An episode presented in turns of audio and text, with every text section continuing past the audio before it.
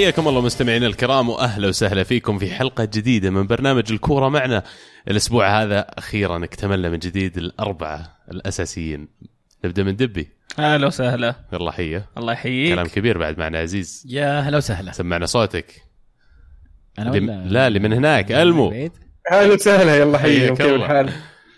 طيبون. كيف صحتكم شباب؟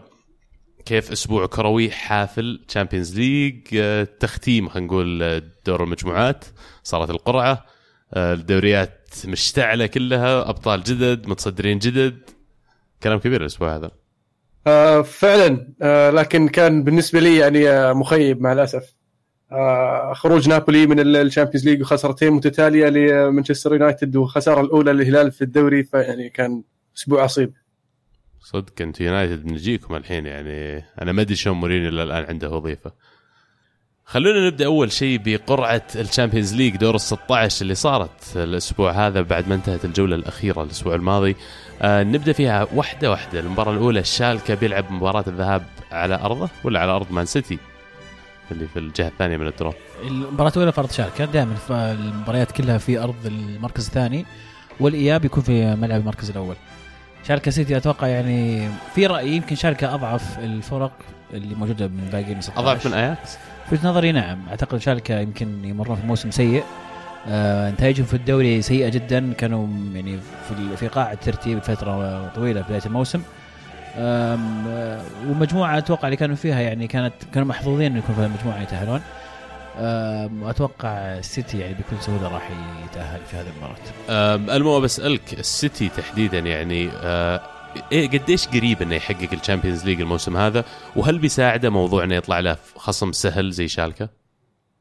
آه بالتأكيد أقرب من ال- الموسم الماضي. آه والقرعة راح تساعده كثير إنه يقابل فريق زي شالكة. لكن لما توصل لدور الثمانية راح تزداد الصعوبة لأن راح ينشخلون هذول الأندية وبتصير من الدور الثمانية إلى إلى النهائي المباريات صعبة. والسيتي ما زال ينقصه القليل من الخبرة وشفناها كانت واضحة بصراحة في مباراتي ليون.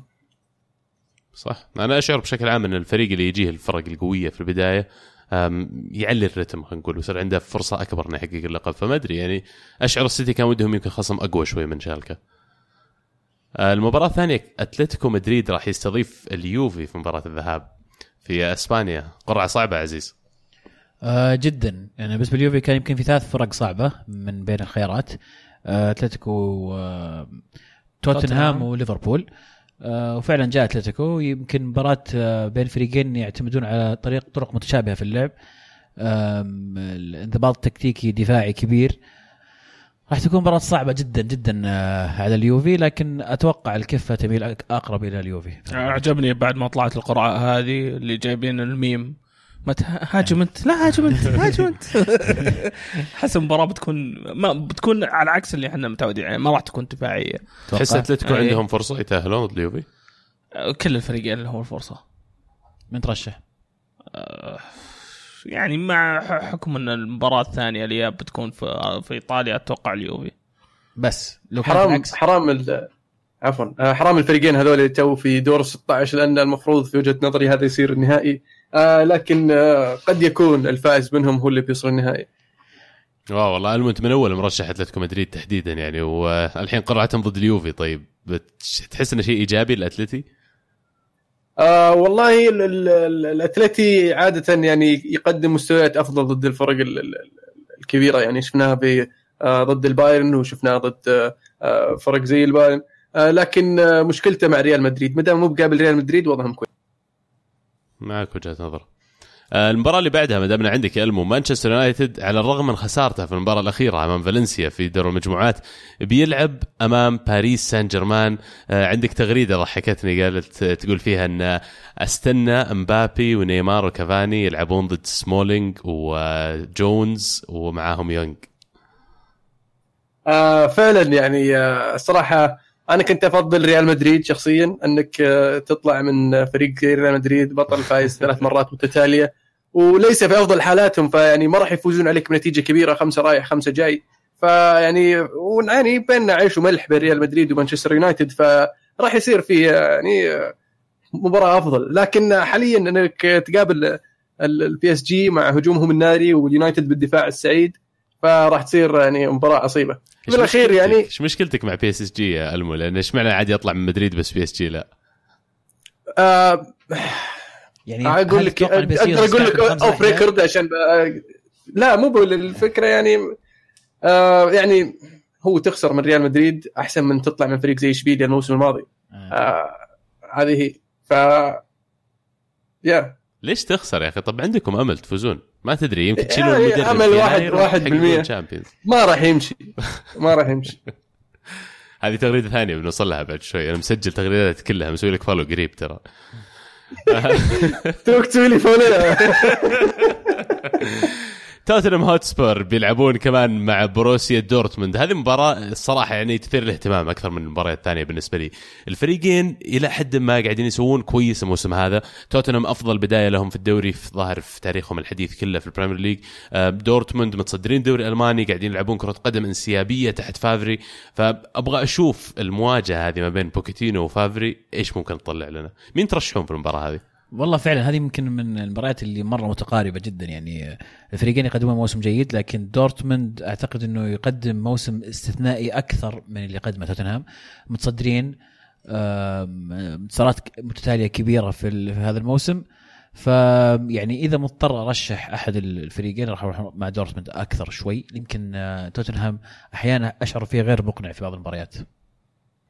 عاد آه، يعني إلى حد ما بس سبيرز بشكل عام ال starting 11 عندهم ولا 11 لاعب الاساسي افضل من دورتموند أنا اشوفهم فما ادري يمكن دورتموند يركزون على الدوري بشكل اساسي ويخلون الشامبيونز ليج لأن عندهم فرصه حقيقيه يجيبون لقب الدوري الالماني يعني ترشح توتنهام في اللقاء هذا اي لا أنا- ننسى ان توتنهام باليلا طلع من يوفي السنة الماضيه ترى المو سنه آه. ما سنه شيء ما يعني تقابل فريقين مرتين يعني وفاز توتنهام مرتين.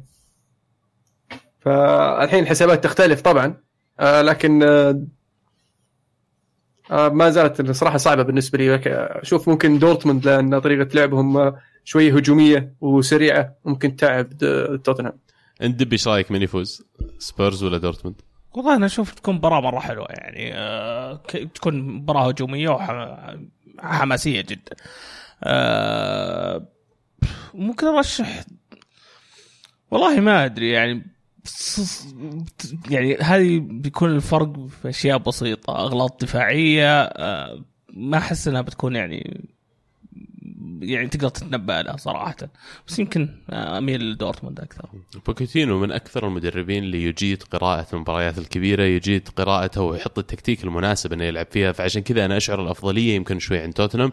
إذا تنظر لل form وتنظر للمستوى اللي قاعدين يلعبون فيه الفرق صح أت- أتفق معك عزيز إن دورتموند مرشح يمكن أكثر. بس ما اختار أحد صح؟ إلا دورتموند. أوه انت أنا وياك ضد ضد عبد الله أشوف في اثنين يلعبون في الشامبيونز في اثنين يلعبون في الشامبيونز فأتوقع يعني والله وناس لما ما تلعب في الشامبيونز. ترى. الشعور حلو لما في القرعة. مين بيجينا مين بيجينا؟ يا عمي فله إحنا يجينا مالمو وباتي. ونقعد نتفلسف. وناسة. شوف إيش تقول الموسم الجاي؟ باخذ باخذ الراية منك. ما ما إحنا متاهلين يوروبا ليج حلو. صدق يعني من- من بدينا الكره معنا يا ألمو أنا لاحظت فرقنا ما قد اجتمعت الظاهر في الشامبيونز. أتوقع هذا المشكلة. لو اجتمعنا يعني أتوقع بنخرب الدوري. عموما أولمبيك ليون كمان المساكين طلع لهم برشلونة في دور ال 16 أم، أصعب draw بالنسبة للفرق أنا أحس كانوا أغلبهم يبغون يتفادون برشلونة ويمكن اليوفي إلى حد ما بس برشلونة أكثر من الفرق الثانية. فريق جاهز فريق قوي فريق عنده ليونيل ميسي اللي قاعد يستهبل يعني يوم جاء ديسمبر بدأ يطلع أفضل ما عنده خلال السنة كلها أصلا. فما أقدر حتى أتخيل إيش بيكون قاعد يقدمه بنهاية الموسم. أثبت على توقعي ببداية الموسم ان برشلونة هم بيكونون بطل الشامبيونز ليج. يمكن أفضل فريق في دور مجموعات آه، برشلونة. فطبيعي إن جميع الفرق تبغى تتفادى إنها تق- تقابل برشلونة.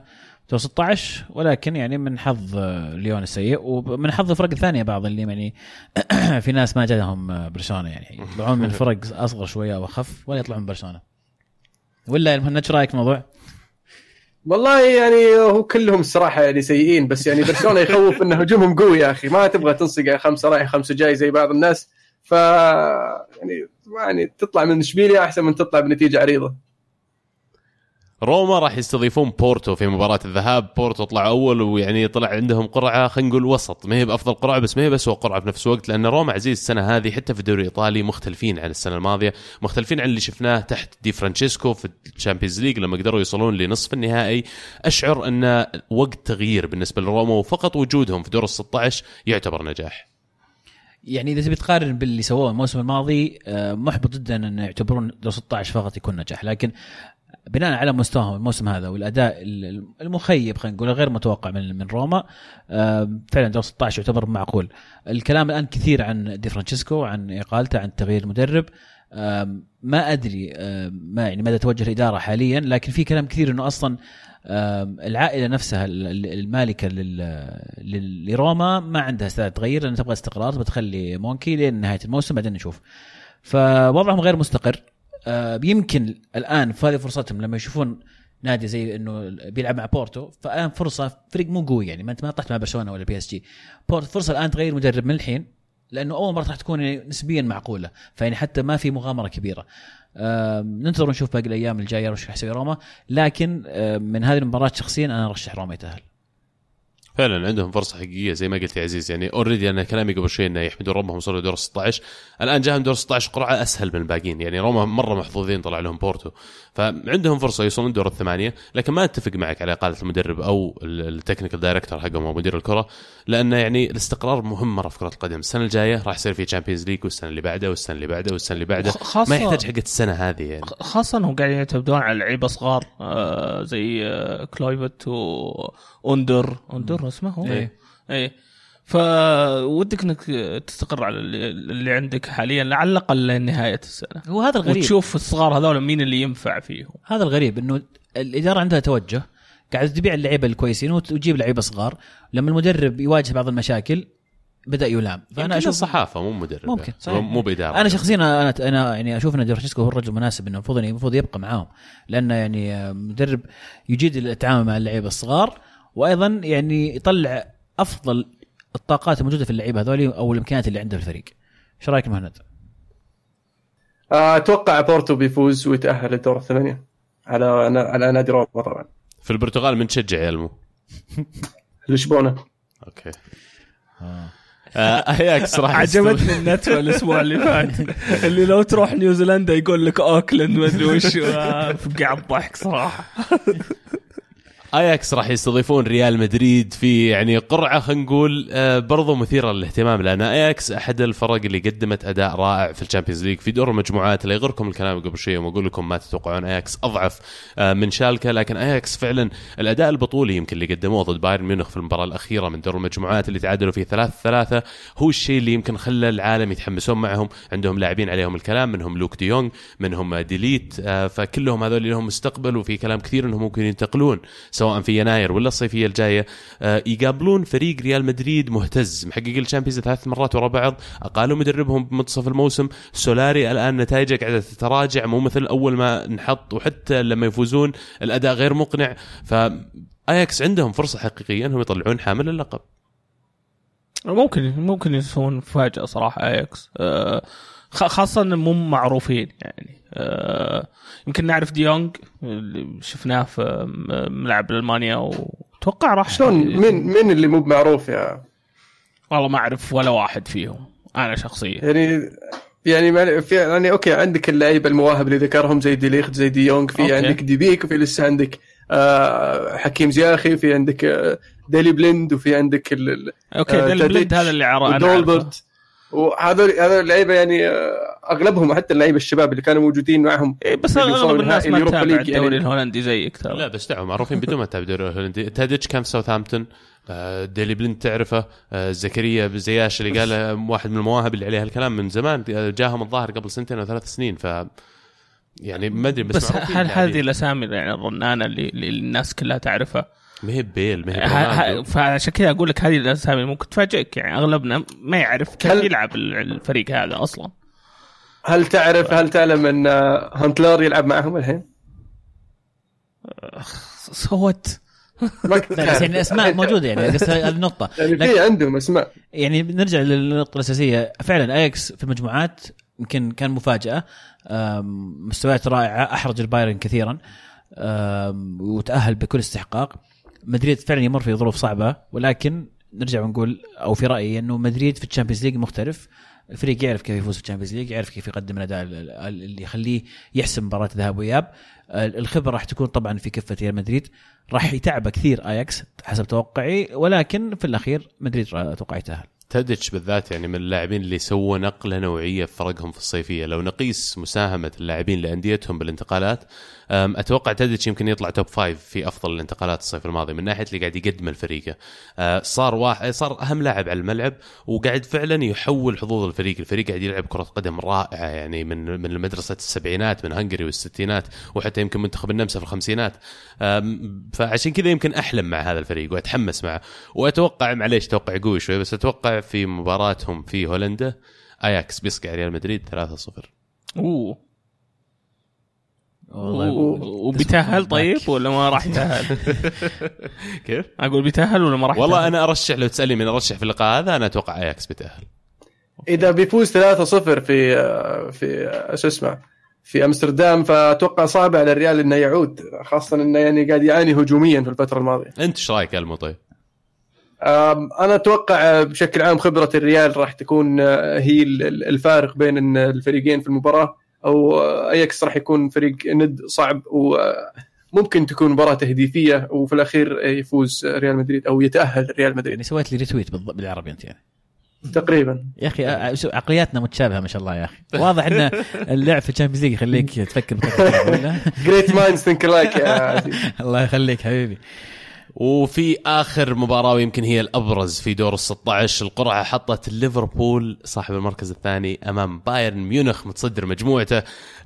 ليفربول متصدر البريمير ليج بايرن ميونخ يحصل نفسه المركز الرابع الظاهر في الدوري الألماني الثالث أو الرابع. يعني العادة الكفة ترجح في صالح بايرن ميونخ والألمان لما يجي موضوع ال Champions League.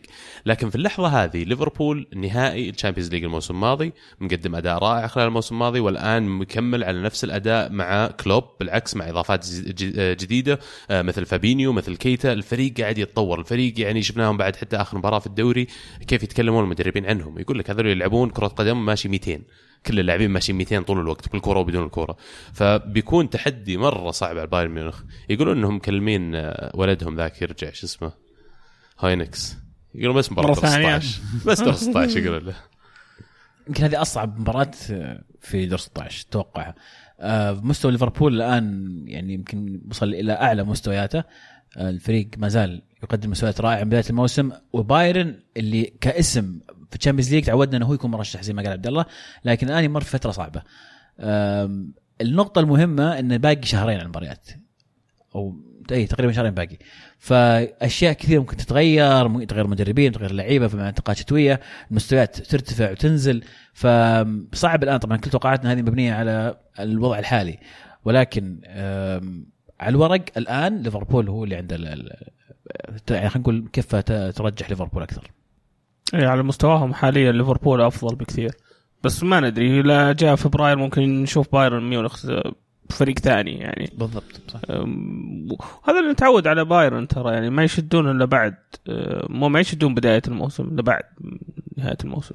المو أنت صاير اختصاصي ليفربول عندنا بعد فوش رأيك مين أقرب في اللقاء هذا؟ آه، في وجهة نظري على مستوى بايرن حاليا آه، ليفربول الأقرب. آه، العجيب المعلومة اللي قريتها اليوم إن الفريقين ما قد تقابلوا في دوري الأبطال. والله. فريق- فريقين يعني بهذا الحجم وهذا التاريخ في هذه البطولة توني أدري إنهم ما قد تقابلوا. فراح تكون يعني إحصائية جميلة نشوف مين اللي راح يكسب اللقاء الأول. فعلا كذا نكون ختمنا على قرعه دور ال 16 وأبي من كل واحد منكم بس اسم فريق اللي بيحققها بنهاية الموسم وببتل اسال أسألكم هالسؤال بعد لا لا كل اسم دور. فريق واحد صعبة خلينا نقول الأربعة اللي لا وصلوا. لا أبي واحد معليش حتى لو تقلش معك لو واحد أمتنع عن التصويت أوكي دبي أوكي أنا تنحت شوي وش السالفة؟ مين تتوقع يفوز بال Champions؟ مين يفوز بال Champions؟ آه... اياكس يلا براسك. المو آه، الأتلتي ما زال عنده فرصة يعني ما دام لسه يلعب فهو المرشح بالنسبة لي. أوكي والله خياراتكم ممتعة يعني. وأنا قايل لكم البدايه برشلونة وما زلت أقول برشلونة. عزيز يمتنع معناته يقول اليوفي بس ما يبي ينحسها. أنا بقولها. عزيز يتوقع اليوفي يا عيال. ومو بجايبينها في الاخير والله لو تلقوا معاي فريق يخسر من يونج بويز في أرضه ويخسر من يونايتد في مستوياتهم مع يعني آسف ما بس كل احترامي لليونايتد. حاليا وضعه سيء يخسر المباراتين ذي ما أتوقع إنه يفوز بال Champions League للأمانة يعني. بجد هذا وجهة نظرك؟ يعني ما للأمانة. تطمح إنك تفوزها؟ طبعا أطمح. طب معناته الفريق طبعا يتجهز لكن أنا انسان في. الأخير واقع لما أشوف فريق يقدم مستويات كذا أقول ما راح نفوز بال Champions League لما تخسر من يونج بويز يعني وضعك الحالي الآن إذا ما تغير شيء من هنا إلى فبراير إذا ما تغير شيء إذا ما في تدعيم وسط إذا ما غير التكتيك اللي يلعب فيه ما راح يفوز فيها اليوفي بهذا الأسلوب ما راح يفوز فيها. بس ما أبيك تفكر بقبعة اللي ما تبغى ترفع من آمالك لا لا عشان لا ما لا, تخيب لا, ظن نفسك؟ أنا قاعد أكون بكل واقعية. طب اليوفي اللاعبين. عندك كل العناصر إنك تقدر تجيبها. بالضبط. عندك عناصر لكن توظيفهم الآن خاطئ. أنت ما انت قاعد تطلع أحسن اللي في رونالدو؟ ما انت قاعد تستفيد من ديبالا؟ بيانيتش يقدم أسوأ موسم من اليوم جاء اليوفي آه بنوتشي قاعد ينكبك في أكثر من مباراة. وضعك؟ مو بكويس قاعد تقلش معك قاعد تفوز 1-0 1-0 تخسر من يونج بويز. فيعني الفريق ما هو ما هو في أفضل حالاته للأمانة. إذا ما تغير شيء من هنا إلى ان مباراة أتلتيكو ممكن نطلع من أتلتيكو طبيعي يعني. خسروا في الدوري؟ لا. نوصل للدوري الأسباني.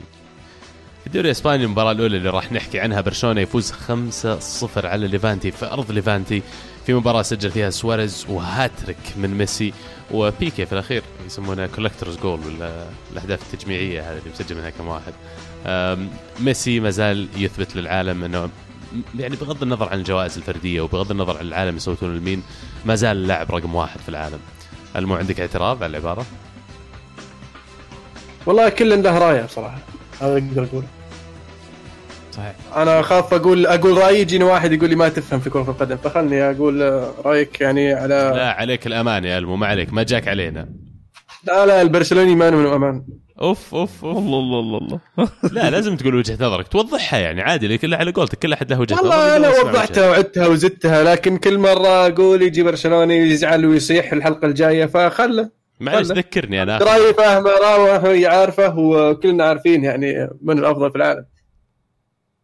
انت عارف؟ وأنا عارف. طيب برشلونة كمان حتى هم في آخر جولة في ال Champions League استهتروا بالمباراة الأخيرة وتعادلوا واحد واحد أمام سبيرز. كان في اعتراض كبير من إنتر ميلان على النتيجة هذه. إنتر ميلان ما يلومون لنفسهم.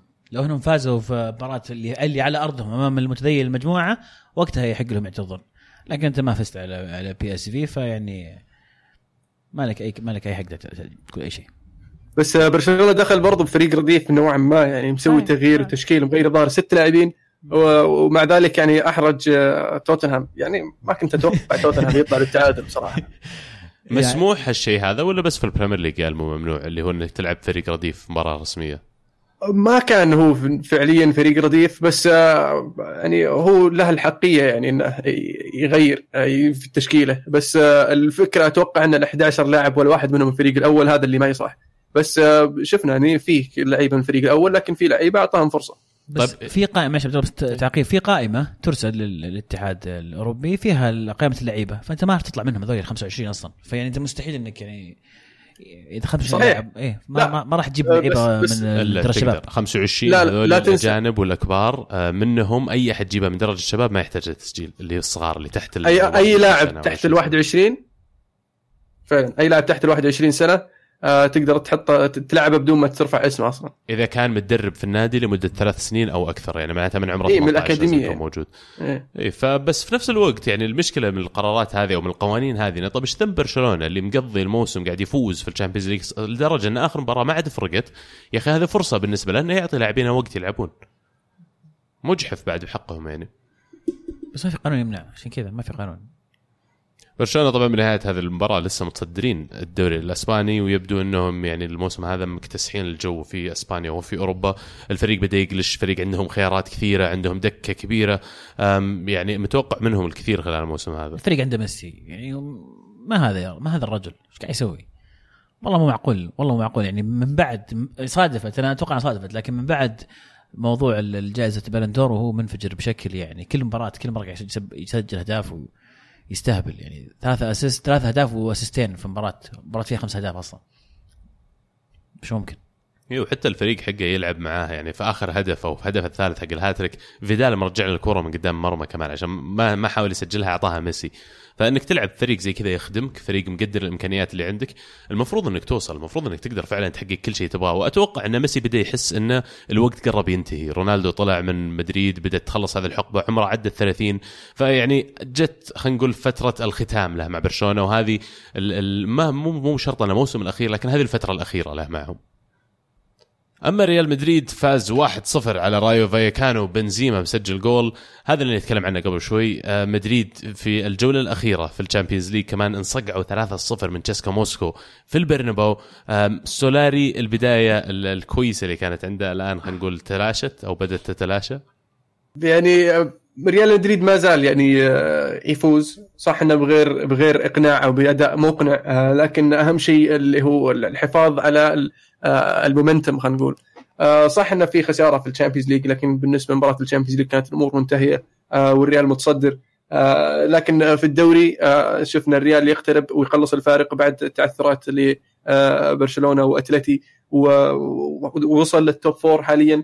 والفرق تقريبا خمس نقاط كان غلطان.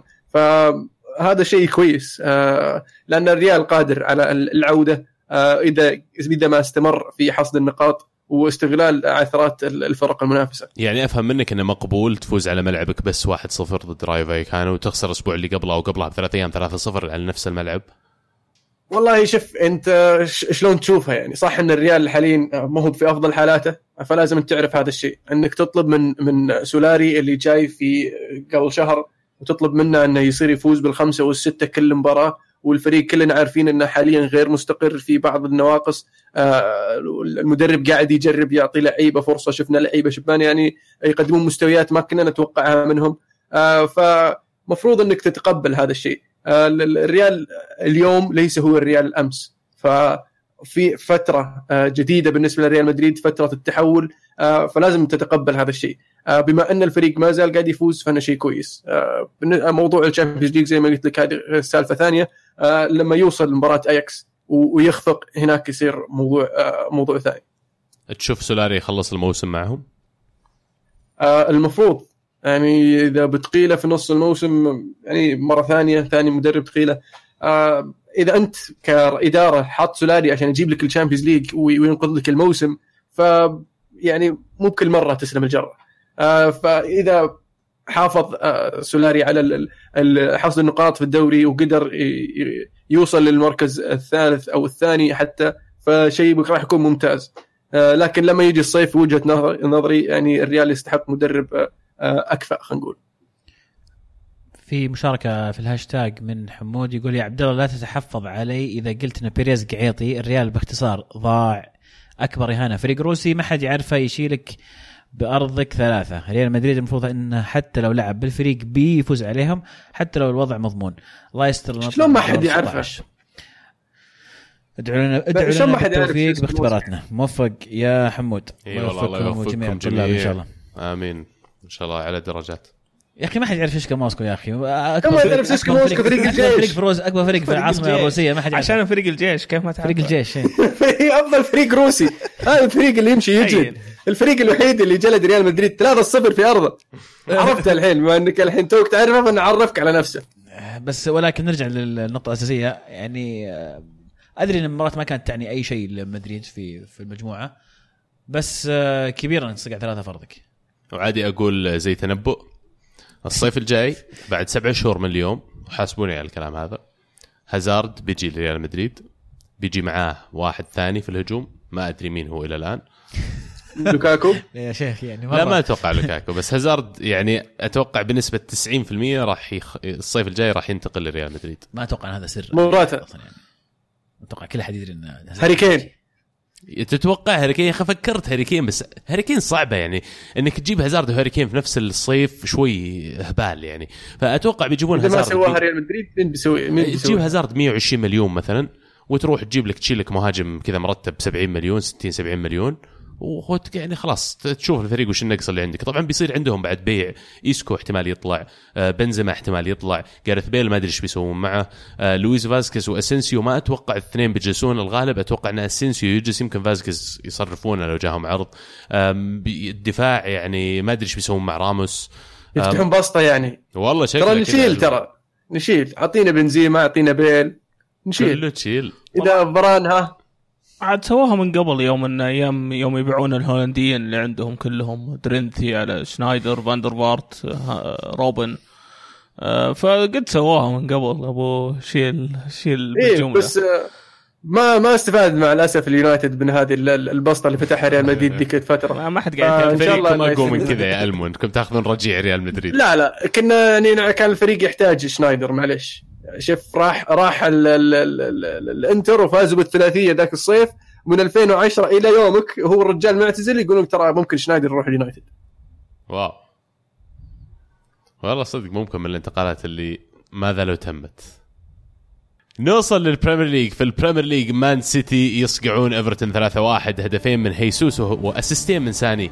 آه هيسوس يرجع للتسجيل. كنا نهايط عليه الأسبوع الماضي أو الأسابيع اللي مضت إنه كيف تقعد أجويرو على الدكة وكيف تبدأ بهيسوس. طبعا أجويرو الظاهر إلى الآن متواجد للإصابة معهم لكن آه أخيرا سجل. أخيرا وأهدافه جميلة واهدافها فعلا يمكن مرات لما يلعب ولما يسجل وتزبط معه تعرف ليش جارديولا مصر إنه يلعبه ويعتمد عليه في خط الهجوم. يقدم شيء يونيك يقدم شيء مختلف عن اللي يقدمون لك إياه المهاجمين الآخرين الموجودين. فيمكن هذا الفكرة اللي اللي يبغاها معه. أتوقع تحركاته من غير الكرة هي اللي تساعده على آه إنه يستمر مع اللعب آه في في طريقة بيب جوارديولا. آه هذا الشيء في وجهة نظري يتميز فيه عن اجويرو لكن يعني ممكن ممكن عاطفيا أو ممكن يعني الأرقام برضو يعني توضح لك هذا الشيء. لما يصير عندك اجويرو المفروض يلعب دائما اي كيف ما تلعب اجويرو رجال عطني اجويرو. رجال أبي أبي اجويرو مو أشيل. آه سبيرز في اللحظات الأخيرة دقيقة 91 يسجلون هدف الفوز على بيرنلي عن طريق اريكسن آه ال- المباراة كانت في صالح سبيرز كلها وكانت فعلا سبيرز كان قريب جدا من التسجيل في أكثر من لقطة لكن بيرنلي دائما يعودنا انه لما يصف الباص متماسك مره الفريق ويحصد النتائج بالطريقة هذه أطقع ما يشوف يلعب ضد مين. لكن نتيجة مرة مهمة للسبيرز في السباق على ال top four اللي كل موسم نقولها وبنبتل نقولها الموسم هذا كمان إن الصراع على ال top four أقوى من أي سنة مضت. آه، وكل نقطة راح تفرق بنهاية الموسم. حاليا top five مرة قريبين من بعض. آه يمكن ليفربول بس اللي مبعد شوي. بس top five حتى أرسنال يعني مرة قريب من ال- ال- ال- ال- ال top four فرق ثلاث نقاط أو نقطتين إذا ماني غلطان. فسباق حلو. حماس. يعني ودي ارسنال يخقون كذا نريح شوي. على طاريهم. خسروا أرسنال 3-2 قدام ساوثهامبتون. فعلا أرسنال فرقهم نقطتين عن ال top four ولو فاز أرسنال في المباراة هذه كان الظاهر صار الثالث أو الرابع. آه، ال- النتائج فعلا قريبة أو الفرق مرة قريبة من بعض من ناحية نقاط. آه، نتيجة مؤسفة لأرسنال. إنك تلعب ضد فريق في ال bottom 3 أو ال bottom 4 وتخسر منه 3 2 بالطريقة هذه. آه، انضباط غير المعتاد. لينو ما أدري إيش قاعد يسوي في المباراة الصراحه لما أجي أشوف حراس زي حق ليفربول أليسون وأشوف لينو يضيق صدري شوي يعني. في شوف في اثنين نحسوا الأسبوع الماضي أرسنال وأليسون. أتوقع ان عبد الله أعطيناهم عين ف اسلم. آه، أذكر كنت تبي لأنه بدال تشيك يلعب أساسي ما أدري ليش للحين ما أدري إذا للحين مقتنع بالموضوع. هدف ثلاثة الوم عليه بس كل الأهداف نفس الطريقة. ما حد قاعد يسوي block للرفعة وما حد مغطي المهاجم. يعني من أبسط الأشياء في كرة القدم. يعني المفروض تسويها ومو قاعد يسوونها دفاع أرسنال مستغرب مرة من الشيء هذا. وهذا الانضباط اللي نتكلم عنه إنه يدخلون المهاجمين ثلاث مرات فعلا بنفس الطريقة يسجلون الأهداف كلها. أنا ما أشوف إن لما أقول لينو كان سيء في المباراة معناته إنه تشيك أفضل لا أنا ما زلت معتقد إن لينو هو الخيار الأفضل إنه يكون حارسنا لكن أتوقع أكثر شوي أتوقع إن الفريق يعمل جاهدا بشكل أكبر. لكن ما ننسى إنه كان على خلفية 21 مباراة تقريبا أو 22 مباراة unbeaten في جميع المسابقات. ما تذوق فيها أرسنال طعم الهزيمة مردها تجي. لكن شيء مؤسف إنها تجي من ساوثهامبتون. هذه يعني أنت عديت من بعض المباريات الصعبة اللي يمكن تخسر فيها نقاط. هذه المباراة اللي المفروض أنت تاكلهم أكل. أه حسوفة عموما. تشيلسي يفوز 2-1 خارج ملعبه على برايتون في مباراة أبدع فيها هازارد goal و assist. قاعد يلعب طبعا الآن Sarri ball بهازارد كراس حربة وهمي. false nine ونشوف موراتا اللي أكبر الخاسرين من الموضوع هذا. هذا هو أداءك سيء ما راح تلعب. هذا المفروض يصير. آه false nine آه، بطريقة ساري آه، كويسة. خاصة آخر مباراتين صاير مو باللي هو يضغط ماسك يعني الكورة طول الوقت قاعد يعتمد على المرتدة أكثر خاصة مباراة السيتي. فشيء كويس قاعد أشوفه من ساري بس برضو ما أحس ساري عنده ال plan B. يعني لما يدخل ب plan في ال- في المباراة لما يشوف نفسه يعني مو قاعد الفريق مو قاعد يأدي أو خسران ما ما في ما في فكرة ثانية. يعني يغير اللعب ولا ذا. كشفناها مع أمري مع أرسنال يغير يسوي تغييرين كيف فجأة يتغير شكل ال- ال- الفريق. هذه ما أشوف ساري ممكن يسويها ويخوفني الموضوع. وبرضو عندنا عندك مشاكل الدفاعية هذه اللي يعني ما أدري وش أقول صراحة. خاصة هدف برايتن يعني نقلة للجهة الثانية وبعدين رفعه وهدف. بكل بساطه آه، بسيط مرة الهدف اللي جاء. طبعا أرجع أتكلم عن موراتا اللي هو فعلا أكبر الخاسرين لما تكون خانتك فاضية وما في مهاجم يلعب آه، بشكل خلينا نقول واحد طبيعي مركز الطبيعي مهاجم وتخرج أنت من التشكيلة وفي بعض الأحيان تخرج من التشكيلة كاملة حقت المباراة ما تجي أصلا حتى على الدكة. رسالة كبيرة يبعثها ساري إلى آه، موراتا وعليه علامات استفهام الآن على مستقبله حتى لما تجي تتكلم عن قيمته في سوق الانتقالات. خفست كثير عن المبلغ اللي تشيلسي دفعه لريال مدريد قبل سنة أو سنتين. يعني آه، كان تقريبا 70 مليون. اي فاليوم ما يجيب لك. اليوم اليوم لو جاب لك 40 50 كويس. زين. صدق. إيه لو جاب لك إيه. 40 كويس ف ما أدري يعني علامات استفهام كبيرة الصراحة عليه حرام عليه. ما أستغرب إذا طلع في يناير صراحة. يعني الرجال ما لقى نفسه في تشيلسي غير رقمه قال يمكن نحس في الرقم. وما زبطت معاه. يمكن اللاعب ما ينفع للفريق. وفي قمة الجولة في البريمير ليج خليناها لين آخر شيء عشان فعلا هي أهم مباراة. آه ليفربول يتصدر الدوري الإنجليزي بفرق نقطة عن مانشستر سيتي وراح يلعب الجولة الجاية قبل السيتي معناتها بنهاية المباراه القادمة. ممكن يصير فرقه عن مانشستر سيتي أربع نقاط. آه الجولة هذه فاز 3-1 على مانشستر يونايتد. hard luck يا ألمو. حبيبي ال bad luck ما يجيك. والله يعني آه، ما أقدر أقول النتيجه غير متوقعة إن إن ليفربول يفوز بالذات إنها على الأنفيلد ومستوى ليفربول ومستوى يونايتد من تالي. لكن إن المباراة تصير بالطريقة اللي صارت فيها لما وصلت مرحلة على قولة مورينيو لما حسينا إننا ممكن نطلع من المباراة بشيء خسرنا المباراة في ذيك اللحظة. فقاسي شوي. ما من هو القاسي بس؟ كرة القدم قاسية. شاكيري قاسي. إيه. ممكن. آه أنا ما ودي أسولف عن المباراة حاليا ودي أسمع رأيكم قبل ما أدخل أنا في النقاش هذا. فأنتم شفتوا المباراة فأعطوني رأيكم. يعني أنا من أول شيء ممكن يجي في بالي إن هذه يمكن أسوأ مباراة من ناحية التكافؤ شفتها بين ليفربول ويونايتد من سنين. ما أتذكر في مباراة كانت أقل تكافؤ من هذه. يمكن ال- الهدف اللي سجله يونايتد كان من غلطة أليسون ويمكن لو ما غلط كان المباراة ما كانت بهذا الشكل حتى. حتى ما بان إن يونايتد عنده أو عنده منافسة في هذه المباراة. لو تشوف الأرقام عادة الأرقام يمكن ما تعطيك صورة كاملة عن المباراة. في هذه المباراة إلا. الأرقام فعلا تعكس لك إيش كان صاير. من حيث آه، هجمات من حيث استحواذ. يونايتد مرة أخرى الاسلوب اللي اتخذه مورينيو إنه ما يبغى يلعب مباراة يبغى يقفل. وما مستحيل تقفل قدام يعني هذه هذه النوعية من اللعيبة بالذات انه تواضع مستوى اللعيبة اللي عندك في الدفاع. يمكن أبرز الأخطاء اللي شفتها كانت آه، يونغ اللي رجع آه، رجع وشعرنا إنه فعلا هو جناح ما هو ما هو ظهير وبانت في الهدف آه، أتوقع هدف ال- الثالث ما غلطان لا مو الثالث هدف هدف التعادل يمكن. آه، هدف ماني صحيح. ف الهدف الأول. إي الهدف الأول الهدف التعادل الهدف الأول. الهدف الأول لا. الهدف آه، بعدين هم عادلوا يونايتد. إي عفوا هدف. ماني الهدف الأول. فبشكل عام يعني ظهر يونايتد بمستوى مخزي. أنا بالنسبة لي أعتبره مخزي جدا. وخلف هذا الموضوع كله أو فوق الموضوع هذا كله أفضل لاعب عندك قاعد في الدكة أصلا ما لعبته. وترجع تقول لي إن آم، لينجارد وإيريرا ومين الثالث اللي معاه في الوسط؟ راشفورد. آه اللي في الوسط. في الوسط. وكان سألوا لما لعب بوجبا قال إنه هيريرا ومدري مين ولينجارد أحسن. أنا اشوفه من أحسن. لينجارد ما هو لاعب وسط ولا يقدم لك الأشياء اللي بيقدمها بوجبا لا هجوميا ولا دفاعيا.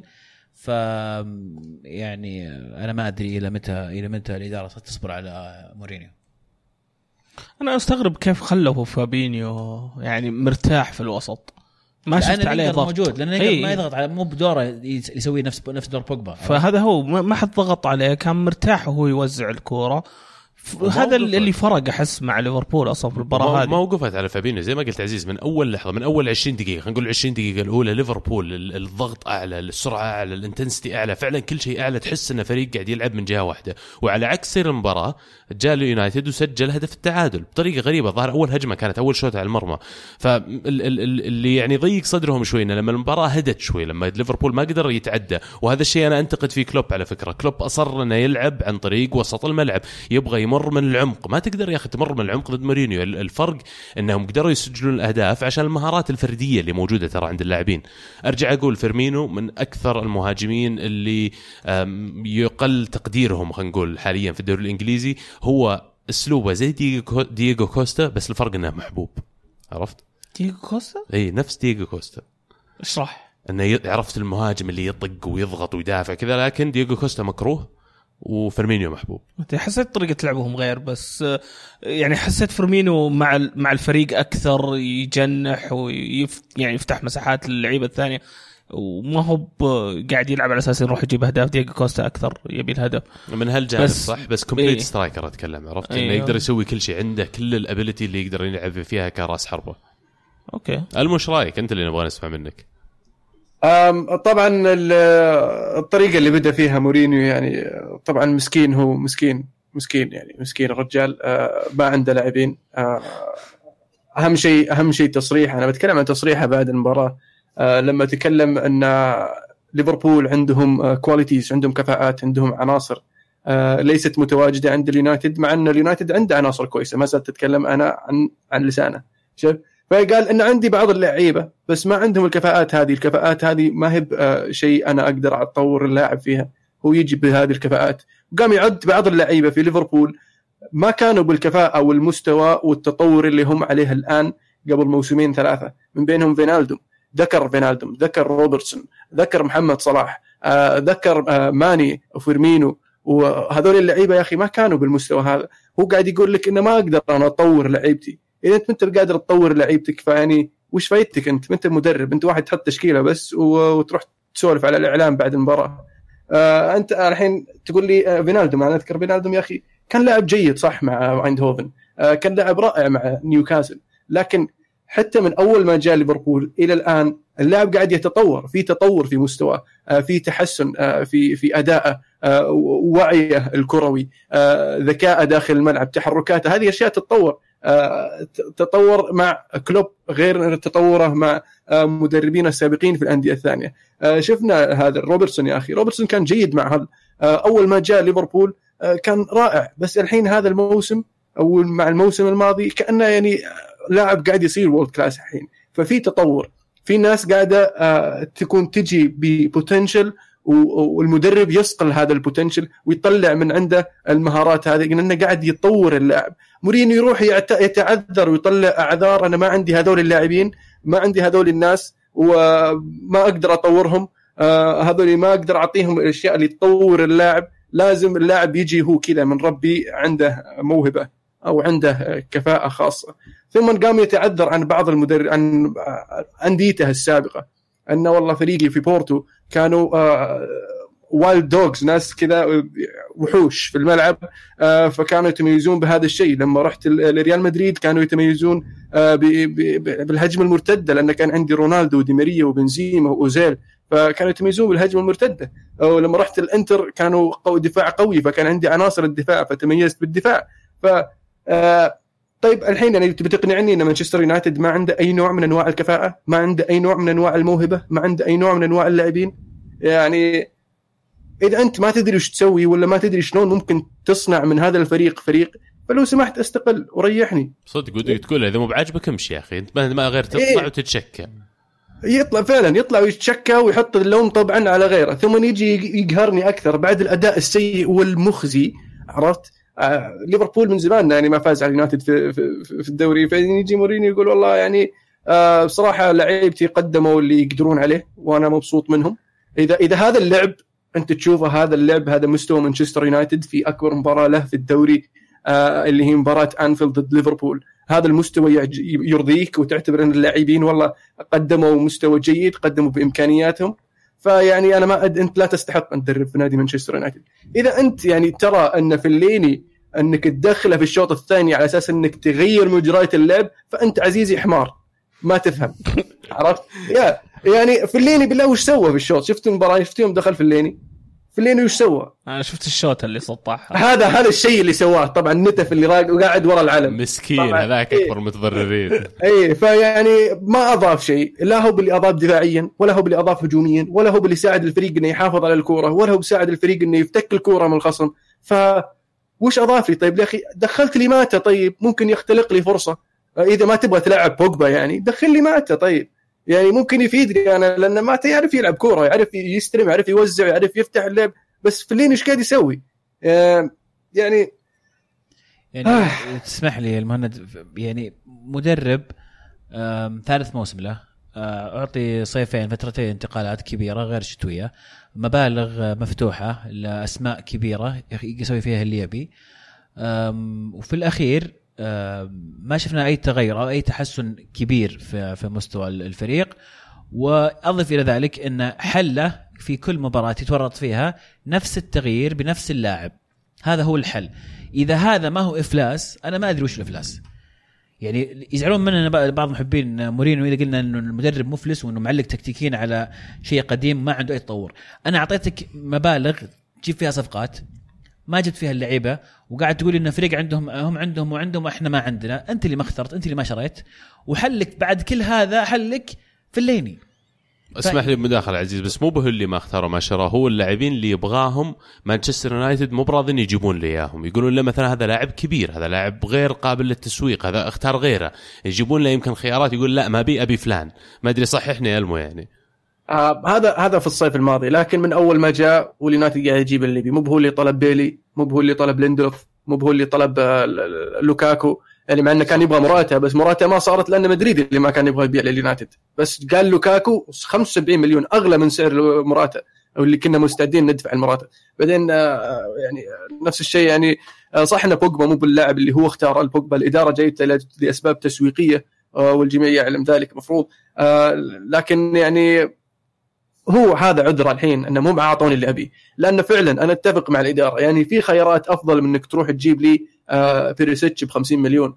آه لاعب عمره 29 سنة. آه ولا جودين يعني 34 اي ف, يعني واللاعب الثاني شو اسمه شو اسمه آه الدرفيلد الدرفيلد لاعب ممتاز أنا أبغاه يجي. بس ما راح أدفع عليه 80 مليون واللاعب عمره 29 سنة وبيخلص عقده في الصيف الجاي. يجيني ببلاش الصيف الجاي. بس يعني آه هذا في الأخير يعني هو اللي حط نفسه في هذه احسها غير. منطقية المو طلباته بشكل عام يعني الطريقة اللي قاعد يتعامل فيها مع مانشستر يونايتد غير منطقية. آه في لأن اثنينهم صراحة المدرب والإدارة آه، تلقى باللوم من الشيء لأن الإدارة هي أعطتها الثقة ثم انسحبت منه الثقة يعني اعطتها الثقة يوم جددت ثم قالوا أي لا أنت انت قاعد تمشي بالطريقة المناسبه اللي إحنا نشوفها مناسبة؟ قاعد تختار لعيبه يعني ما هو بيمشون مع مع فلسفة الفريق. والإدارة أصلا ما تدري وش فلسفة الفريق آه لأنهم ما يدرون وش الكورة. الملاك أمريكان ولا هم دارين عن الفريق وهذا يعني رجل أعمال لكنه مو براعي كورة اللي هو اد فما زال يونايتد يحتاج حلقة الوصل بين المدرب والإدارة وأتمنى انها تصير قبل آه، ما يتم تعيين مدرب بعد مورينيو طيب بتعطونا بوجبا في في الشتوية؟ إعارة؟ لا في الشتوية في الشتوية ما ما لك إلا الضعوي لكن في الصيف. تعال خذ. بوجبا تعال- إيه، نجربه نشوف زين ولا بزين والله نحتاجه نحتاجه لسه عندنا تسويق الدكة ونبغى نشتري يحمي كرسي ولا شرعكم يعني ما يفهم عشان في الدعايات وكذا وقبل المباراة يحطون لك صورة بوجبا أي. شعار مانشستر يونايتد match day عرفت أي، ولا next. game زي كذا. طيب. أيوه. مشاركة من موسيقار زمان يقول خسارة مذلة قد- قدام فريق لم يذق طعم الفوز منذ خمس سنوات للأسف اللي صار فينا أسوأ من السيء. كان يمدينا نتجنب الخسائر والموسم الكارثي بكل سهولة بس كل واحد فكر بيرعونا لين وصلنا هذه المرحلة. كلهم بدون استثناء اللاعبين مورينيو الإدارة كل شخص فكر بمصلحته وهذه النتيجة. شبيح مورينيو يقول كالعادة بيجي المهند وينتقد مورينيو على خسارته وأنا حبيت أسوي pre order لردي على انتقاده لمورينيو وأقول له فريقك زلابه أساسية أسوأ من احتياط ليفر. الليفر متكامل في جميع الخطوط ويمتلك دكة قوية واحد منهم سجل هدفي الفوز الخسارة 3-1 بمثابة الفوز لمانشستر يونايتد. no comment ما أدري يعني صراحة. وما حد قاعد يتكلم عن سانشيز بعد معليش. يعني سانشيز ألمو جبتوه الشتوية الماضية وسويتوا زحمة وبلبلة وأخرتها وهو اللي مسويه ترى. مورينيو هو اللي طالبه بالاسم. وقال روحوا اعطوه اللي يبي وجيبوه وأخرتها ما حتى عموما أنا ودي أنتقل لل- لل- للجزء الثاني من المباراة الفريق الثاني اللي فاز اللي يتصدر الدوري الإنجليزي. آه، يمكن ننتقل بمشاركة من طارق يقول ليفربول فريق ممتاز كل لاعب جلس يعطي 110% من مستواه ولم يصاب لاعبيه طوال الموسم. في الجهة الأخرى السيتي افتقد نجمه الأول من بداية الموسم وكل ما يرجع لاعب ينصاب الثاني لكن مع كل هذا الفرق بينهم نقطة شيء محبط أعتقد الليفر لا زالوا يحتاجون لاعبين عشان ينافسون. أم، هل فعلا يا شباب في رأيكم إنه الليفر الآن فقط متقدم على السيتي بسبب الظروف اللي يمر فيها السيتي وال وال وال, خلينا نقول حسن الطالع اللي مر فيه ليفربول لذلك هو متصدر وأول ما ترجع الأمور الطبيعية راح يفقد الصدارة. يا أخي لما شفناه يلعب ضد يونايتد ليفربول تحديدا يعني تشعر انه لا لحظة الفريق هذا ما وصل هنا عبث. لما تشوف زي ما قلت كل لاعب على أرض الملعب قديش يشتغلون يعني ب ب يشتغلون عمل جاد وعمل شاق مو بسهل. ترى التمرينات حقتهم تلاقيها كل يوم يبذلون نفس المجهود آه، هدفهم واحد يلعبون كفريق. آه، الأشياء هذه كلها ترشح ليفربول إنه يوصل. أنا بدايه الموسم أو في الربع الأول من الموسم كان عندي شكوك حول إن ليفربول يقدرون ولا ما يقدرون. لكن من اللي اشوفه الآن ترى وصلنا ديسمبر انتصفت السنة ومتصدرين الدوري وما تقدر تقول ما يستاهلون انهم متصدرين غايب يقول يعني ما ودي ارجع لمورينيو لكن عنده استفسار يقول هل عقلية مورينيو تغيرت ولا الكورة هي اللي تغيرت؟ هل مورينيو الانتر والريال أقوى من مورينيو المانيو ولا هم نفس الشيء؟ بشكل أكثر وضوح هل إصدار مورينيو القديم قادر إنه يقود اليونايتد للدوري وحتى الأبطال؟ لا أتوقع إنه يعني مورينيو القديم ما زال هو نفس مورينيو وهذه المشكلة الأساسية. في وجهة نظري إنه مورينيو ما زال نفس مورينيو السابق. الكرة تغيرت وتطورت وهو الرجال على نفس على نفس مكانه. اي وأتفهم من التصريحات هذه لو لك ست شهور تدرب الفريق لكن لك ثلاث سنوات. أنت كل مرة تتشكى قاعد تتشكى على عملك أنت ترى. وفعلا كلمة قالها ألمو يعني رنت في بالي مضبوط إنه انت يمكن ما عندك القدرة انك تطور هاللاعبين اللي عندك يا أخي. جميع اللاعبين عندهم مجال يتطورون يوصلون. صلاح منهم مثلا. يوم انك في تشيلسي هذا مو بشيء جديد. مر عندك اللاعب واخرتها الآن قبل المباراة تقول إيش؟ يقول يقول تشيلسي آه سوري آه صلاح خطر نووي على الفرق. يعني معليش هذا اللاعب اللي. قالها إن صلاح معاي ما كان زي صلاح اللي يعني نشوفه الحين. طبعا بيقول كذا. اي؟ لأن اللاعب بس تطور. اللاعب مر معليش اللاعب مر على مدربين. لاعب تطور في هذه الفترة. هو اعترف في المؤتمر الصحفي انه ما يقدر يطور اللاعبين لأنه ما عنده سالفة. على طاري على طاري آه، قيادة مورينيو ليونايتد لتحقيق الدوري حاليا مورينيو ما يقود سيكل. للأسف يا ألمو يونايتد وضعه مو بأفضل بكثير من سيكل ترى الحين.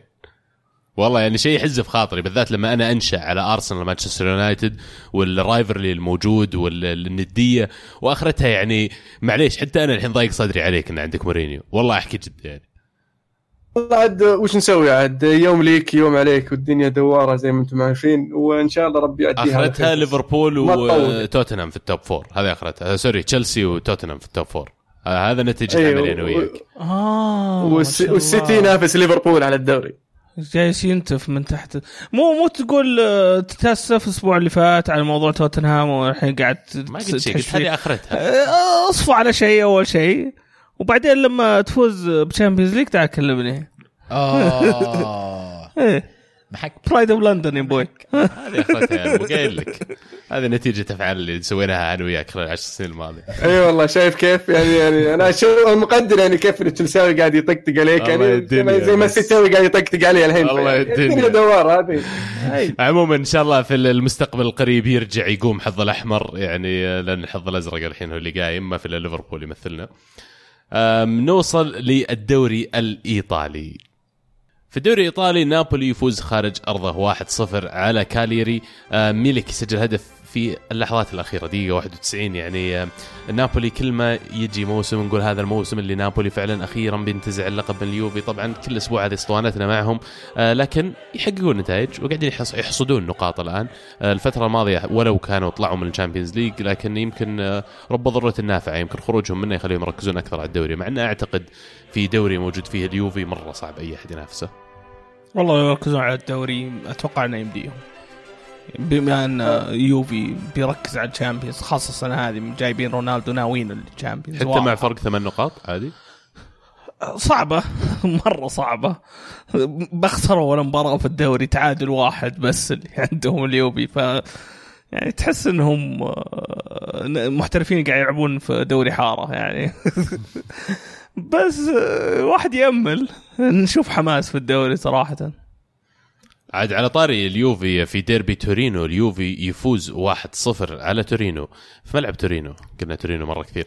كريستيانو رونالدو طبعا بالتخصص بلنتي ونعيد التصريح اللي قاله آه، أليجري لما سألوه عن اتخاذ كريستيانو رونالدو البلنتيات قال لما تشوفون البلنتي اللي شاته مع مدريد ضدنا الموسم الماضي في نص نهائي وربع نهائي ال Champions League وتشوف الطريقة اللي أخذها فيها في اللحظة الأخيرة من المباراة كيف كيف أشيل هذا من تنفيذ البلنتيات؟ ويبدو لي إن يعني ما زال الخيار المناسب. بس عزيز كان عندك تحفظ بدايه الحلقة على اليوفي وعلى اللي قاعد تشوفه منهم جميعا كعناصر حتى منهم رونالدو ذكرت إنه مو قاعد يظهر أفضل ما عنده. هذه أسوأ مباراة رونالدو من يوم جاء عفوا مباراة يانج بويز كانت أسوأ مباراة رونالدو من يوم جاء اليوفي. مباراة آه، تورينو كان استمرار المستوى الباهت من اليوفي بشكل عام. بيانيتش في مباراة يانج بويز أيضا كان سيء جدا. أنا ماني عارف إيش قاعد يصير في, في بعض اللعيبة عناصر غريب غريبين جدا. اللي أشعر فيه إن صح اليوفي منتصر في كل المباريات إلا مباراه تعادل. ثلاثة- 45 نقطة من اصل 48 أو عفوا 46 من اصل 48 ولكن في شيء مو بصح. في في مشكلة في الوسط. يعتمد اليوفي على بيانيتش وبنتنكور وماتويدي وخضيرة وإيمري كان بين إصابات. فالوضع سيء جدا في حالة ما عندك تدوير. تضطر تلعب أحيانا بلاعبين وسط. لاعبين وسط اللي هم بيانيتش وبنتنكور. ما عندهم الأدوار الدفاعية ال- ال- الكبيرة. يمكن بنتنكور في الأخير يلاقي نفسه يشتغل لحاله. بيانيتش آه، تمريراته بادئه تصير سيئة جدا يمر في فتره في مستوى منخفض. ما زال الهجوم في عليه علامة استفهام. رونالدو ديبالا آه، وكوستا لما يلعبون مع بعض قدام. المساهمة الدفاعية قليلة جدا فهذا يحط حمل كبير على الأظهرة في, في اليوفي وتجي منها أهداف ورفعات خطيرة. وهذا موضوع مهم يعني أنا أشعر يمكن بس بس أسمع وجهة نظرك على الموضوع. أشعر إن يوفي شوي استعجل على رونالدو إنه يلعب كل مباراة. تكلمنا من قبل إنه إذا اللاعب يبغى يلعب واللاعب قاعد يأدي المفروض إنك تلعبه لكن مباريات مثل هذه لما تبدأ تشوف مستوى اللاعب قاعد ينزل شوي شوي تسأل نفسك سؤال ال- الأول إنه هل كان المفروض تريح رونالدو أكثر؟ والشيء الثاني يمكن تدخيله تدريجيا للفريق إنه ما تعتمد عليه من الربع الأول من الموسم إنه يكون النجم الأول الفريق يخلي فيه كمان حمل على باقي الفريق إنهم يلعبون كفريق. ترى مو دائما رونالدو موجود. مع لما يجي الوقت فعلا وقت الحسم في الشامبيونز وفي الدوري يكون رونالدو دخل الفريق وخذ خانته ضد يعني وسط عناصر موجودة اوريدي قاعدة تأدي كفريق كامل. إيش رأيك؟ ما أعتقد إنه رونالدو عنده مشكلة الآن في الإرهاق. يعني أتوقع الموضوع هذا تكلمنا فيه كذا مرة إنه اللاعب ترك المنتخب فما يشارك دوليا مع المنتخب فعنده فترة راحة وبالذات مع البطولة الجديدة اللي صارت تجيك كل كل تقريبا كل شهرين صار في توقف كبير. ولكن أيضا أليجري ذكر إنه لما يجي الوقت المناسب راح راح أريح رونالدو يعني ما أتوقع إن رونالدو راح يستمر من هنا الين فبراير يشارك في كل المباريات أكيد راح يكون في آه، تريح. واحتمال أكبر إنه أثناء مباريات Champions League أو حول مباريات Champions League راح تشوف رونالدو يرتاح بشكل أكبر. لا تنسى أن السنة هذه قلصوا العطلة الشتوية في إيطاليا. فعلا هذه نقطة. فأيضا ممكن نشوفها الآن الفترة هذه يسوي تدوير أكبر بشكل أكبر. آم، ما أدري ما أحس أن المشكلة مشكلة آه، إرهاق بالنسبة لرونالدو لكن يعني طبيعي أي لاعب يمر في فترات ينزل فيها مستواه لكن حتى لما ينزل لاعب هذه الخبرة يفيدك كثير في حسم بعض الأهداف. لكن مثلا مباراة يونج بويز أنا أشوف أنه كان في أول 20 دقيقة كان ممكن يكون عنده هاتريك ليش تحسسني كذا إنك تتكلم مع إنه فايزين؟ اليوفي على تورينو تحسسني كأنك تتكلم بهزيمة يعني. أنا أرجع أقول لك في في مؤشرات ما تعطيك فكرة إيجابية أو مبشرات ما هي مبشرة بالخير يعني. بس قاعد تفوز بكل مباريات الدوري ما تعادلت إلا مباراة واحدة ما ضيعت نقاط لكن أبد. أرجع مباراة الإنتر. الإنتر كان أفضل. وكان الانتر عنده أكثر من فرصة لو استغلها كان كان احرج اليوفي. آه، مباراة يونج بويز تعتبر زي القرصة يعني لو أحيانا ممكن تكون هذه أشياء إيجابية لليوفي يفكر فيها إنه لو هذه مباراه خروج مغلوب في في ال Champions League راحت عليك. ال- الحركة اللي سواها رونالدو على تسديده ديبالا اللي في آخر دقيقة اللي سجلها ديبالا ورونالدو كان واقف قدام ال- الحارس وحاول يساهم فيها بس وخر. هذه حركه لو سواها رونالدو في نصف النهائي مثلا أو في دور أربعة طلع اليوفي من ال Champions League ففي جزئيات صغيرة آه، تدخل تلعب دور كبير في حسم بطولة ال Champions League. يعني في الد- في الدوري ضاع ثلاث نقاط عادي تعوضها الأسبوع الجاي الأسبوع اللي بعده ما هي مشكلة. لكن في ال Champions League في جزئيات صغيرة وهي اللي نتكلم عنها اللي دائما أقول في 10% من أي بطولة كاس حظ تحتاج- شوية حظ. هذه الجزئيات الصغيرة اللي تأثر على محصلة النهائيه للبطولات. فما ز... ما أشعر أن اليوفي وصل إلى أفضل مستوياته الآن. آه، من هنا الين إلين فبراير آه، يحتاج اليوفي يرفع مستواه ولا راح يواجهون كثير من المشاكل أمام أتلتيكو. انت أه بسالكم يا شباب أسلم. قبل ما نطلع من مباراة اليوفي. شفت الحركة اللي سواها رونالدو بعد الهدف البلنتي يوم راح للحارس. إيه كذا وصقع بصدره. إيه. ما شفتوا بلتلي وش قال إيش علق على هذه الحركة؟ وش قال؟ يقول هذا لو أنا كان انطردت وهو صادق صح؟ فعلا. بس في تفاوت في المعاملة. انت تشعر المويا يجيه معاملة تفضيلية رونالدو بشكل عام؟ عكس العكس. رو- آه، بالوتيلي تجيه معاملة قاسية لأنه بالوتيلي معروف إنه هذا هذه سمعته. فلما يكون اللاعب يكون عنده سمعة سيئة طبيعي إن الح- الحكم يتصرف معه بطريقة مختلفة. برضو ممكن تجي في زي يعني زي دييغو كوستا مثلا. إيه إيه. آه، ممكن تجي برضو في بال الحكم يعني إنه لو طردت أو سويت شيء لرونالدو بي- كلهم بيتكلم عني بكرة بس لو طردت بالوتيلي كلهم بيقولون إيه. تستحق الطرد يعني اللقطة؟ أنا ما أشعر إنه طرد بس إنه يعني حركة ما لها داعي ممكن عرفت؟ أصلاً. ممكن عليها كرت أصفر فعلا إيه. ممكن عليها كرت أصفر إي بس يعني أنت لاعب راتبك 30 مليون في السنة رايح تهايط على اللاعب ياخذ مليون مدري مليون ونص في السنة يعني ما لها سنع عرفت؟ okay إنت رونالدو طيب ما فايز بخمسة بالون دور مدري كم فايز بأنواع الأشياء يعني إيش تبي جاي تهايط على ما ما له يعني؟ دخل في فلوس قد ما يعني تواضع زين بالضبط أنا. النقطه حقتي ليش تروح يعني تفرك خشمة فيها مثل ما يقولون. واضح إنه متعبة الحارس كان. إنتر ميلان يفوزون 1-0 على أودينيزي. بلنتي كمان من إيكاردي. آه، مباراة يعني كان فيها استحواذ كامل لصالح إنتر ميلان لكن يمكن النتيجة ما تعكس خلينا نقول الهيمنة اللي كانت موجودة عند إنتر ميلان على أودينيزي في المباراة هذه. إنتر ما زال يعني يعاني من قلة تسجيل نقول. تتوقع منه أكثر. أه، في مجال كبير للتطور عندهم بس الكلام كله على إيكاردي اللي انتهى عقده في 2021 وطلع زنتي صرح قال انه على الرغم من انه باقي كثير على عقده ما زلنا إحنا مهتمين الآن نجدد معه نمدد الانتهاء من 2021 إلى يمكن 23 ولا ما بعده لكن يقول ما بعد جت اللحظة المناسبة لهذا الشيء فيخليك تسأل أسئلة هل ممكن إيكاردي هو اللاعب الثاني اللي ينضم لهازارد في ريال مدريد الصيف الجاي؟ حسب نظريتك اللي. اثبتها أنا خاص يعني إيه. مؤكدة إيكاردي وهازارد ركبتهم ترى ركبتهم خلاص ممكن طبعا طبيعي. يعني اللاعب أي لاعب يطمح إنه كل ما تحسن مستواه إنه يلعب في أفضل الفرق اللي يشارك في أكبر بطولات ويبغى يحقق البطولات هذه. فإذا الإنتر ما يستطيع ما يستطيع يوفر هذا الشيء لإيكاردي خلال الفترة القادمة أو الرواتب اللي يطلبها إيكاردي ووكيلة أعماله فأكيد إنه راح يختار إنه يروح فريق ثاني. آه يمكن إذا وصلنا للإنتر أهم مباراة إندونيسيا عندنا بالنسبة لي اللي هي مباراة PSV وأغلب التعليقات اللي في الهاشتاج أيضا نتكلم عن هذه المباراة. اللي سباليتي رجع وسوى نفس الحركات حقته بالتبديل غريب آه، مرة أخرى.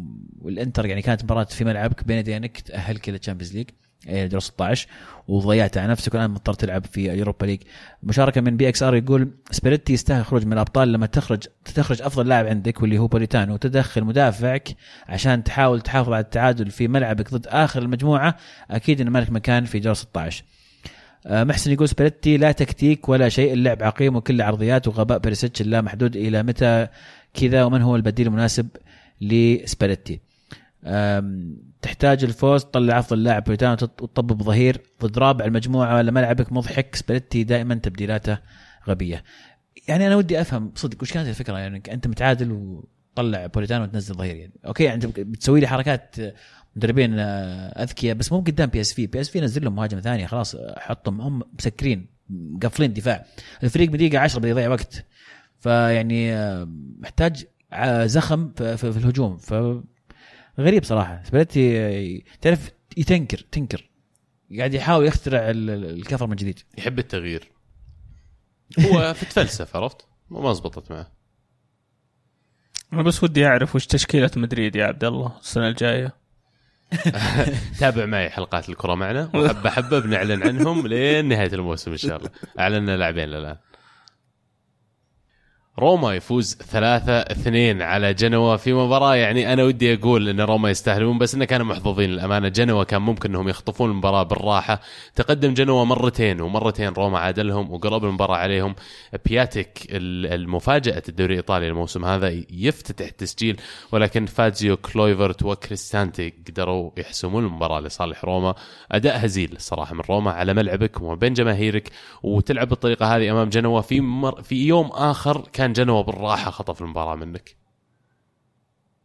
أتفق معك تماما. وهذا امتداد لكلام تكلمنا عن روما في كلام كثير على المدرب توجه الإدارة. ما زال يعني أوكي الفوز يعطيهم فرصة للراحة شوي ولكن يظل السؤال على المستوى اللي قدمه روما والسؤال كمان اللاعبين اللي موجودين عندهم اللي عليهم الكلام منهم جنكيز أندر مثلا. هل أداء روما بالشكل هذا يهددهم أكثر أن الصيف الجاي لازم يبيعون هاللاعبين اللي قاعدين يتألقون؟ يعني قهر إن روما أو أو مشجع روما مضطر إن كل موسم يشوف من كل صيف أحسن لاعب عندك بينباع. شيء قهر لاي لأي مشجع في أي نادي ما ما تبي تشوف أفضل لعيبك ينباعون في كل صيف ويكون هذا أصلا تتوجه الإدارة عندك. فما أدري عن اندر لأنه ما زال صغير ولكن ما أستبعد إنه يعني مثلا يكون آه، في صفقة كبيرة في الصيف مقابل استقطاب أسامي شابة أخرى. نوصل للدوري السعودي. في الدوري السعودي أسبوع رائع للعالمي. النصر يفوز 4-0 على الرائد. آه، أهداف من آه، حمد الله. نتيجة عريضة وأداء رائع. في نفس الوقت خطة هجومية جدا يعني يلعب فيها المدرب. شفنا باعتماد على محور واحد بس في الملعب اللي هو بتروس أما الباقيين كانوا لاعبين هجوميين لما أشوفه يبدأ بيحيى الشهري ويبدأ بمرابط وجوليانو وموسى وحمد الله. يعني في تغيير قاعد يصير شوي في الفريق. يمكن إقالة المدرب الآن قاعد تبدأ تشوف أثرها. فعلا تغير الرسم التكتيكي الملعب. هم جابوا مدرب جديد الحين ولا لسه؟ مو بشكل رسمي حاطين واحد اللي هو الظاهر كان مساعد أو مدرب الأولمبي ماسك الفريق الحين. بس بنشوف إذا بيقلش بيكمل ليش لا؟ خليه يكمل. الهلال كمان hard luck يا شباب المو وعزيز على خسارته أمام الحزم في الرياض 2-1 مباراة يمكن أكثر الكلام فيها على الفار اللي أبغى أسألكم فيه سؤال. إذا لقطة خلينا نقول بلنتي ولا لقطة أي شيء وعداها اللعب وجت عقبها هجمة الفريق الثاني وانكسر منهم لاعب خلينا نقول تدخل خشن وكرت أحمر مباشر بعدين رجع الحكم اكتشف إنه بلنتي قبل الكرت الأحمر يلغى ولا لا؟ مفروض لأن لو تفكر فيها ك offside قد شفنا طرد بعد ما إنه كان المفروض offside ولغى الطرد ف... بس نفس ال off side الطرد ولا في هجمة ثانية؟ انه انه إنه جت الهجمة والمفروض إنه يحسبها offside بس إن اللاعب كسر وعطى كرت أحمر. فرجع لل offside لأن القرار هذا كان المفروض قبل. مباراة؟ أو أي دوري أو أي شيء؟ قد صارت من قبل. آه يبي لي ادور بس يعني قد شفنا أن قرارات تلغي لأن كان المفروض في قرار قبل إنه يتخذ. بس هذه هذه أتوقع ممكن تكون غير. وهذا اعتراض الهلاليين يمكن أتخيل إنه سجلوا جول الهلال وبعدين رجع الحكم وحط بلنتي عليهم. ضربة نفسية عنيفة أصلا للاعبين يعني إذا قد صارت قبل وين؟ قد صارت هذه النقطة بس قبل يعني... نكمل المهم بس النقطة إن كل مكان ترى كل عندهم قوانين ضرب مختلفة، هذه المشكلة. اسلم. آه في في الدوري الهولندي صارت آه هجمة مرتدة جاء هدف ووقف الحكم رجع ألغى الهدف حسب بلنتي في الجهة الأخرى. أو قد شفنا حكم الظاهر في الدوري الألماني كان يبغى غلطان بعد ما أنهى المباراة وقف ورجع اللعيبة وحسب بلنتي.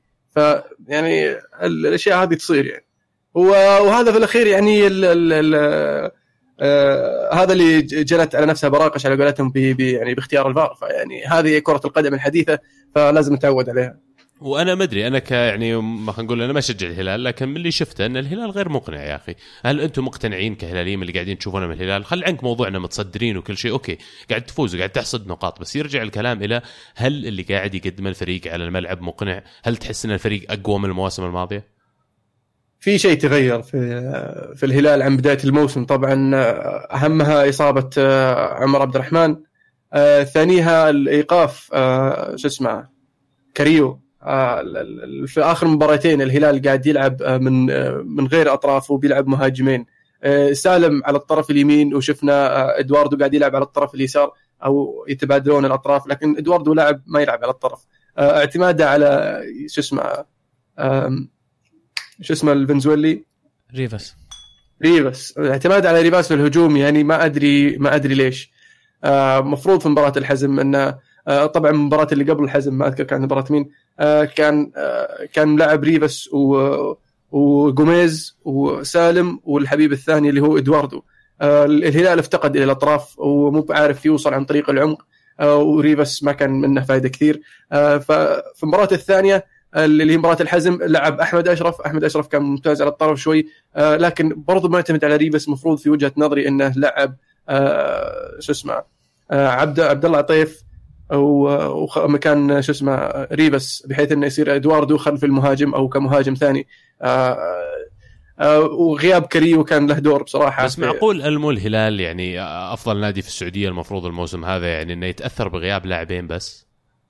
آه لا طبعا لا ننسى إن نواف العابد ما شفناه صار له فترة. ف بس الهلال يعتمد على الأطراف. نواف اي بس آه، لأن عندك عمر عبد الرحمن ولأن عندك كريو بس الحين عمر عبد الرحمن وكريو مو موجودين. فما عند الهلال أطراف اله- الهلال في الفترة الماضية تفوق ب آه، بالأطراف اللي عنده. آه، فاختلف اختلفت طريقة اللعب نوعا ما. آه، فهذا في وجهة نظري اللي صاير في الفترة الماضية. والمدرب يعني المفروض إنه آه، يكون أوعى من كذا. والمفروض إنه يحسبها صح المرة الجاية. أنا شخ- شخصيا مستغرب من ال- ال- الطريقة اللي يلعب فيها المدرب هيسوس 4 4 2 مع وجود جوميز وريفاس في المقدمة. أشوف إنها يعني آه، فيها شوية آه، يعني ما شوية غباء للأمانة لأنك تلعب مهاجمين كلهم ما عندهم القدرة على صناعة اللعب كلهم لعيبة صند صندوق. وبعدين تلعب استحواذ. وتبي تلعب باستحواذ. وين؟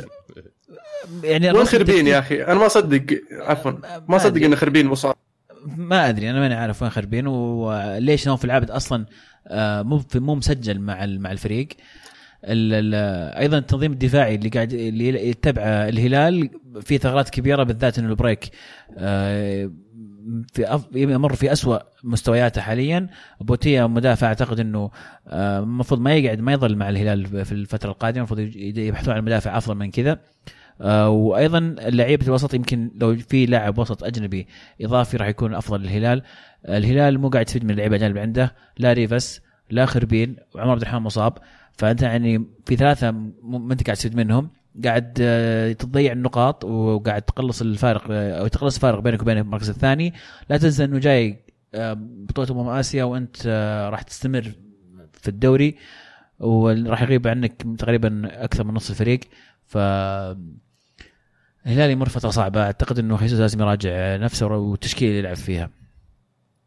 حلو طيب آه ابرا يقول للأسف جميع أندية الدوري السعودي وبلا استثناء من بداية الدوري يتوعدون من فترة شتوية بإصلاح الفريق والمشكلة الكلام يجي من رؤساء أندية ومدربين وأعضاء مجلس إدارة وأنت كذا تستنقص من لاعبينك فالطبيعي ما راح يؤدي إلا أقل من 50% من مستواه ويعتقد الكثير أن الشتويه أساس الحل. أتفق تماما إنه بالذات يعني مثلا الاتحاد راح نتكلم عنه بعد شوي. يقول لك إنه راح أغير ست جانب سبع جانب. طيب الأجنبي راح يوصل الخبر يعني. مو بإنك تكلمت عربي ما راح يفهم. بالعكس.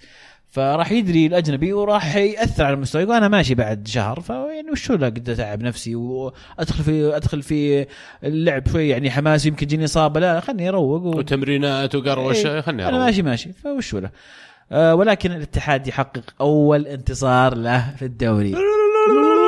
نعم. وهرب من القاع باول فوز آه صار في المركز قبل الأخير.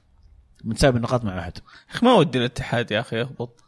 يا- أوكي في نهاية الموسم اللي يستاهل الهبوط يستاهل الهبوط في النهاية بس يا أخي له له نكهة الدوري بالاتحاد صراحة.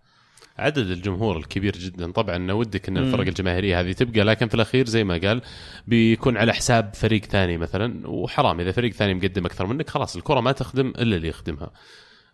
في كمان الأهلي خسر في جدة 1-0 أمام الشباب في اللحظات الأخيرة. صدق دقيقه 96 جول جاء تقريبا. اللي اللي يمكن غطى على المباراة تصريحات خالد البلطان بعد المباراة. يعني كنا هايط شوي بزيادة. تراك فايز بالموت يعني 1-0 في اخر شيء. خش جو في الهياط شوي. هذا موضوع آه، تكلمنا فيه كثير يعني. أنا أشوف إنه مطلوب من ال- ال- رؤساء الأندية إنهم يسوون شوية آه، آه، ح- إثارة خارج الملعب عشان الجذب الجماهيري ولكن أنا يعني تنجرف وراها عزيز؟ لا، أنا- أنا ما- بالعكس. بالعكس. رؤساء الأندية المفروض ساكتين يعني. المفروض ما ما يصرحون ولا. ولا لهم دخل في الموضوع ولا المفروض يكونون في الملعب حتى. في المنصات ممكن. بس أنا أستغرب اللي يصير في السعودية صراحة. آه، صاير لهم هاله اعلاميه مفروض يعني يكونون بعيدين عن الإعلام. مفاجأة الموسم هذا بعد التعاون صاحب المركز الثالث إذا ما كنت غلطان يفوز 3-0 على الفيحة. هاتريك من توامبا. آه، التعاون فعلا مفاجأة الموسم. يلقى نفسه على عدد نفس نفس عدد النقاط آه، مع الأهلي. ومو بشيء بسيط ترى بس التعاون اللي قاعدين يسوونه يشتغلون ب خلينا نقول بهداوة ما حد حس فيهم. فعلا يحسب لهم اللي قاعد يسوونه والاجانب اللي اللي اختاروهم نادي التعاون رائعين يعني.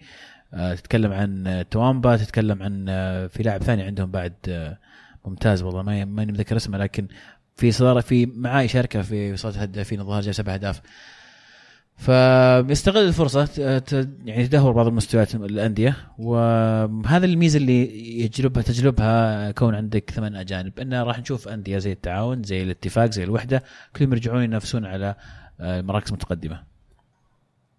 هيلدر هذا اسم اللاعب الثاني آه كذا نكون ختمنا على الدوريات اللي بنحكي عنها ونوصل لفقرة بطل وبصل. عندك بطاطا الأسبوع يا ألمو؟ لا أنا عندي بصلة كبيرة بس. أوكي أجل بطل وبصل. فخلنا نبدأ عندك دام بصلتك اكبر واحدة. آه طبعا ال- ال- البصلة طبعا معروفة وهي طبعا مورينيو وحبيب قلبه مروان فليني. اثنين هم؟ طب إيه. اقسمها بصلتين. و لا بصلة كبيرة يعني تكفي اثنين. فبالنسبة لبطل الأسبوع آه، نادي اياكس اللي فاز 8-0 وبالتحديد ديلي بليند اللي سجل هاتريك وهو يلعب قلب دفاع. وهدف الأسبوع هدف ديلي بليند الأول تسديدة خرافية من خارج منطقة الجزاء كانت من أروع. okay. تبي؟ آه بطل الأسبوع بالنسبة لي ليفربول اللي قدر يتأهل Champions League ويفوز على يونايتد في نفس الأسبوع. آه بصل الأسبوع ممكن أقول ارسنال اللي اللي خسر ضد ساوثهامبتون. ما أدري كيف. أو أدري كيف. رفع ثلاث رفعات جت هدف. آه، آه هدف الأسبوع هدف آه فيردر بريمن على دورتموند آه ماكس كروز. شوطه جميلة صراحة. عزيز؟ آه، بطل الأسبوع بالنسبة لي ليونيل ميسي سجل هاتريك وأسيستين نجم المباراة. آم، بصل الأسبوع عندي الإنتر والهلال واليوفي. كلهم لأسباب واضحة أتوقع. الإنتر ضيع فرط في التأهل أمام بي إس في. الهلال خسر من الحزم في مباراة قدم فيها مستوى سيء واليوفي خسر من يونج بويز. لو فالنسيا ما فاز على يونايتد كان طارت الصدارة وكان أصبح اليوفي ضحوكه في هذا الموسم. هدف الأسبوع بالنسبة لي ماني. هدف ماني الأول على يونايتد. استلام جميل بالصدر ما زمان نزلت على طول سددها آه، تكنيك رائع من اللاعب أما أنا بالنسبة لي آه، بطل الأسبوع ال- حمد الله لاعب النصر مسجل أربع أهداف رائعة وفعلا مشاركة مهمة جدا له معهم. بصل الأسبوع ريال مدريد عشانهم خسروا ضد تشيسكا موسكو 3-0 ولو كان بالفريق الرديف وبعدين رجعوا ما أقنعوا الجمهور بفوز هزيل 1-0 أمام رايو اللي كانوا على أرضهم. أما على هدف الأسبوع هدف دورتموند. الأسبوع الماضي آه، فاول من جوريرو سواه بطريقة خلينا نقول آه، كأنه فيلم قاعد يصير بينه وبين رويس كأنه حاول يشوت الكرة وراحت ورجع لها وقدر يعرض الكرة وباكو ألكاسير سجل الجول. آه الشيء المؤسف في الهدف هذا إنه صعب يعيدونه. خلاص فرق بتنتبه الحين. نوصل لفقرة هاشتاج الحلقة عزيز. إيش رأيك تعطينا بعضا مما عندك بعضا مما جاد به علينا المستمعون؟ الله عليك. أنا أقول غير اسم الهاشتاج كله. خلاص. آه، ناخذ مشاركة من علي يقول لا لا غير مقبول يا عبد الله. الكل قابل للمس إلا جو هارت أتمنى ما تتعرض له مرة ثانية عشان ما تصير بيننا مشكلة شخصية. هاشتاج هارت التاريخ. شفت شفت انت فتحت باب الحين. والله واضح إني فتحت إي، باب. إي. يعني معليش بس هارت وبيكفورد يعني ما أشعر إنهم بعيدين من بعض يعني. لا من بدايات ولا من مستوى كذا فما أدري أنا- وبنزيد جوهرت عشان ما نقدر ننتفع يا أخي. معليش. يعني على مستوى مع توريني ولا مع سيتي ولا مع ويست هام عطني أي واحد منهم. آخر أقدر انتفع يعني كان عنده كم تصدي كويس صراحة في آخر مباراة. يعني بس إحنا خسروا واحد آخر مباراة. أنا قاعد أتكلم لا لا لا حتى الموسم هذا راح يدخل حتى الفانتسي شيء كيف؟ ترى عنده تصديات يعني مو قاعد مو قاعد يساعد فريقه لكنه يعني متحسن قاعد يصد كور ويجيب نقاط وكذا ترى أي حارس إنجليزي من بعد سيمن زلابة من الآخر هو مو على إبداعه هو يا دبي زي لو إي لا، بس يعني زي لو تجي معليش. تهاجم بنتنر مثلا أنا بزعل لورد بنتنر لورد ما- ما أسطورة. أقدر أصلاً. طيب. طيب. أصلاً ما هذه. النقطة حقتي طيب هو نفس الشيء يمكن عنده هو هذا هذا اللورد بنتنر لورد جوهرت آه، ما- بلورد طبعا في اللورد واحد يا صديقي. آه ليزو يقول أستاذ المهند هل تتفق أن إصابة هولدنج ممكن تأثر إذا لم يتم تعويضه؟ لأني الامانه اشوفه من أفضل الموجودين. آه ممكن عبد الله يكون. اجابته إيه، إجابته أكبر لكن. بما إنك سألتني راح أرد عليك يعني آه آه فعلا هولدنج في لعب في في تطور كبير و- وعودة كوشيلني ممكن راح تغطي هذه الخانة إلى نهاية الموسم إلى أن يجي الصيف ولما يجي الصيف مفروض آه، فعلا أرسنال يبحث عن مدافع آه، لأن آه، يحتاجون إلى قلب دفاع آه، في الفترة القادمة. يوناي إمري طبعا تكلم عن الموضوع وقال أنا ما أحب سوق الانتقالات الشتوية لكن على خلفية الإصابات اللي قاعد تصير عندنا في خط الدفاع تحديدا قاعدين ننظر أن مين اللاعبين اللي ممكن نستقطبهم خلال الشتوية الجاية. فأعرف أن الوضع صعب جدا.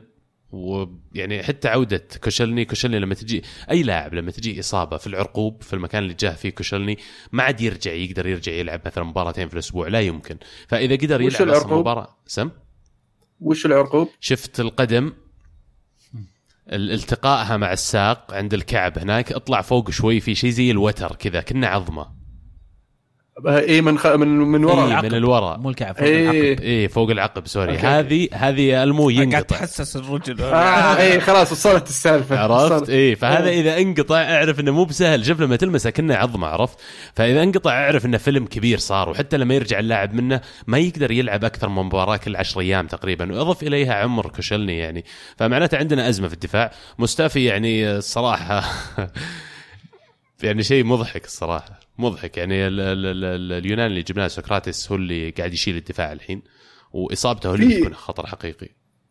في يوناني شاب شريتوه الظاهر في الصيف الماضي إيه أو في مافروبانوس January. اي وش صار عليه من زمان ما شفنا هذا. صغير يا كانوا أخي زي هولدنج وزي هذول كلهم صغار أنت ما إيه عندك. بس يعني هولدنج أول ما جاء هو والثاني جنكنسون و- وتشامبرز كان فينجر يعطيهم فرصة أو من أول ما جو بس هذا ما ما أذكر إن شفته يلعب.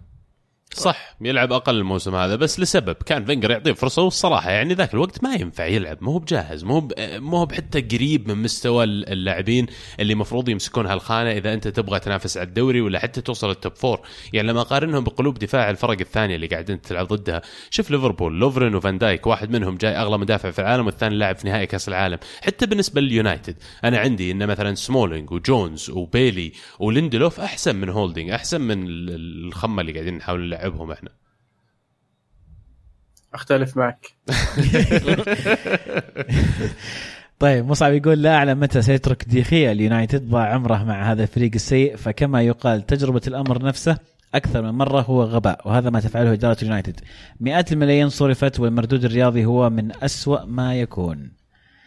إيش آه دخل دخية في السالفة؟ إيش. دخل دخية إيش دخل؟ نشيل نشيل ليه مع بعض. دخية يمشي. لا لا دخية لا. خذ الفريق كله إلا دخية.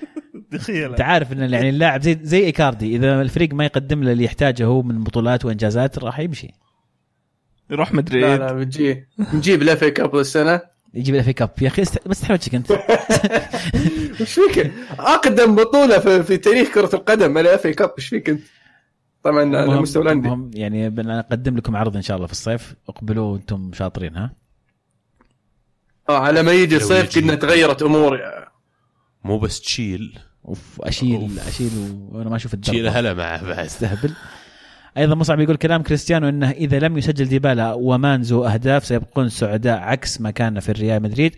هذا كلام مضحك فهو الوحيد الذي كان يفعل ذلك. لا أدري إن كان قد نسي نفسه أم لا. أكاي يقول إيش رأيكم تعطون ميسي بطل دائم مثل بصلة مورينيو؟ والله يستاهل صدق ميسي يستاهل. شوف ميسي لا والله يعني أحيانا يعني أحيانا مورينيو بعد ترى يعني ما يستاهل بصلة أحيانا بس قليلة مرة بس تجي يعني وإذا صار ما يستاهلها راح في ال press conference و- واستاهل لنفسه. وجاب أي؟ عوض الموضوع وزبطه اريك جريتس يقول ما ردت الأسطورة يبي مورينيو يا رباه الحلم يتحقق يا رب يزبل مع يونايتد ونخطفها ونخطفها أساسا اللي قال لا جاية جاية. بس خوفي مدريد يخطفها والله والله يسوونها. هذا صح. صدقني ما حد يبي مورينيو الحين خلاص. وموضوع مهم فعلا ما ذكرنا ما ذكرناه خلال الحلقة ان ماروتا داوم أخيرا ك آه، اللي هو بيصير المدير الرياضي في إنتر ميلان. فعنده علاقات عنده آه، خبرة واسعة جدا في كرة القدم من قبل مع اليوفي. أتوقع إنه راح يكون له دور كبير إذا الإنتر يبغون يعيدون بناء الفريق وأتوقع اختاروا الشخصية المناسبة بعد. وفي نفس الوقت ميلان بعد داوم عندهم ترى إيفان جازيدس الرئيس التنفيذي السابق لأرسنال. ونفس الشيء راح يشغل منصب آه، المدير التنفيذي لنادي إي سي ميلان. آه، واضح توجه الأمريكان عرفت؟ راحوا جابوا واحد عارفينه وحطوه. فعلا مرات مكسب للإنتر آه، إداري إداري محنك يعني. فعلا كان له دور كبير في عودة اليوفي إلى ما هو عليه الآن. وبس يعني ما أدري ما ودي أتمنى التوفيق لكن آه، آه، الميلانيستا يقول السيتي وباريس برأيكم من الأجهز فيهم حاليا لتحقيق دوري الأبطال قبل الآخر؟ آه، السيتي باريس. ألمو؟ آه، السيتي في- في وجهة نظري. يمكن عشان المدرب أقدر أقول السيتي. أقوى. السيتي عندهم تشكيلة كاملة يا أخي. أختلف معك. والله؟ والله. لا مو بس تشكيلة من عناصر. كلام نتكلم من ناحية خبرة في ال Champions League كلهم خبرتهم قليلة و... لكن أشعر إنه آه، PSG أقرب.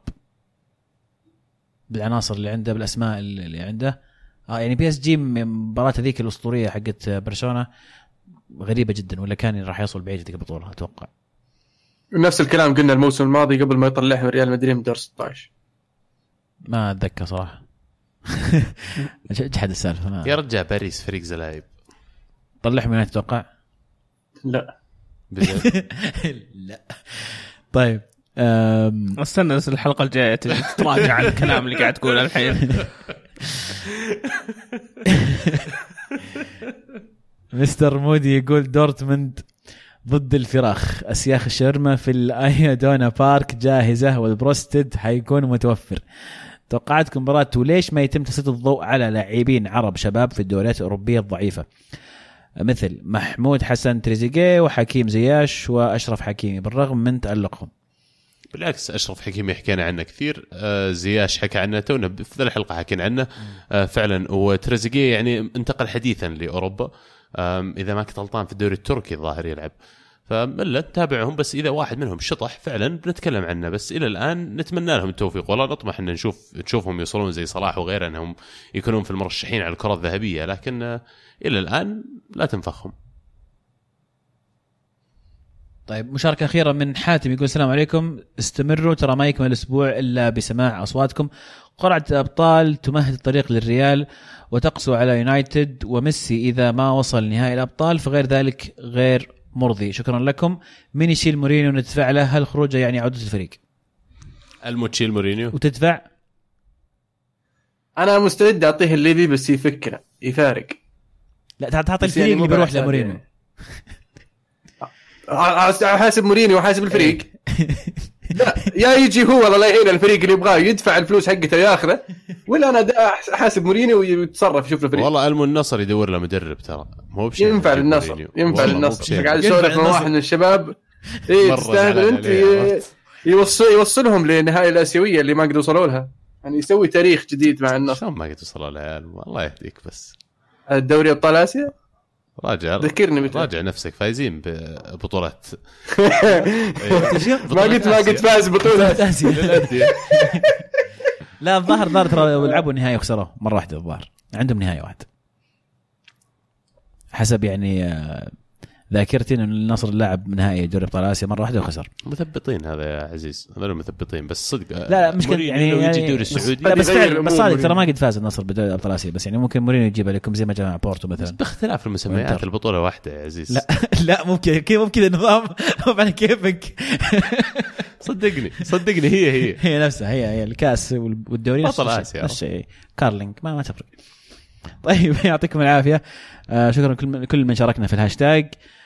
شاركونا الأسبوع القادم على نفس الهاشتاج الكورة underscore معنا فعلا والله شكرا لكم بقدر السماء جميعا واحد واحد كل واحد شارك واللي ما شارك أشوف واحد يقعد يسمع وما يشارك والله لا اجيك بس. كذا عبد. الله يحتاج تهددهم في موضوع ال ال ال التقييم ومشاركة ال ال البودكاست شوف كنا بالحبابة أول إحنا إيه. أو بالله شارك. وكذا الحين الموضوع ما عاد هو حبابة يا ويل اللي أشوفه ما يشارك يا ويل اللي أشوفه ما يعطينا تقييم كويس. والله قسم بالله بتفاهم معكم. أنا شخصيا بجي أتفاهم معكم. تقييم ركب كويس. يعني قاعد تطلب واجد أوف أوف. يقيمون أهم شيء. طيب صدق السفينة. جاهزة. إيه وفي أماكن كثير. أنتم شفتوا تايتانيك ذي. أنتم شفتوا إيش صار باللي ركبوا قبل؟ تايتانيك part 2 الحين بينزل لهم العالم لا لا بس تصير. آه، أيضا اضف ذلك مشاركة ال- البودكاست. ترى في كثير ناس ما يعرفون وش بودكاست ولا يعرفون آه، الأوقات اللي يس- يسمع فيها البودكاست يتخيلون إنه لازم تقعد وتسمعه آه، أدري انه كثير منكم يسمع في السيارة في ال- في الشغل في ال- قبل في, ال- النوم في النادي في. قبل النوم في أوقات الفراغ. على المذاكرة ما دام أيام اختبارات. أحيانا نعم. فعرفوا أخوياكم على البودكاست. وش البو- وش عالم البودكاست؟ عرفوا عن البودكاست حقنا. إذا كل واحد عرف شخص واحد راح نتدبل في عدد الاستماعات وعدد المتابعين. صح يعني حتى بغض النظر عن الميول وبغض النظر عن يحبون الكره ولا لا ولا نتكلم بس عن بودكاست كره معنا. فعلا زي ما قلت يا عزيز هي مسؤولية تجاه البودكاست نفسه وعشان ننشر هذا الشيء الرائع اللي موجود الآن آه، في أي مجال يعني في بودكاستات كثير تسوى ان الواحد يستمع لها. آم، فحرام زيدوا الثقافة بالناس ابدوا بالناس اللي موجودين حولكم بالدائرة الأولى. آم، وهذه الرسالة برعاية الكورة معنا. أول مرة نطلع رسالة برعايتها. آه، شكرا لكم من جديد مستمعينا على حسن استماعكم لهذه الحلقة ونتمنى أننا شملنا أغلب المواضيع اللي كنتوا تتأملون أن نذكرها. اعذرونا الأشياء اللي ما قدرنا نذكرها ما أسعفنا الوقت أننا نجيب طاريها. ونذكركم تتابعون ألعاب dot net لكل ما هو ألعاب. قبل ما نختم بس شيء أخير طلعت في ال leaderboards الثامن على ال Ultimate Team اديني طيب اخلص سوي بث. والله إن شاء الله إن شاء الله. أنت وعدتني قبل الحلقة خلني أحطك بعد على الهواء الحين. أي. إنك بتساعدني إن شاء الله ال weekend هذا بنحاول نظبط لنا شيء. قدام. إذا زبط معنا على يوم الربوع إن شاء الله راح نعلن على حساب الكرة معنا. ال- ال- الخميس نستلم ال packات على قولتهم. نستلم ال packات سوي حق- تفجير packات نسوي تفجير packات يوم الخميس. ويوم الجمعة والسبت إن شاء الله ممكن نشغل بعض من ال gameplay. وإن شاء الله وعدنا معكم الأسبوع الجاي يوم الثلاث. لا تنسونا. كانت الكرة معنا والحين الكرة معكم. فمان الله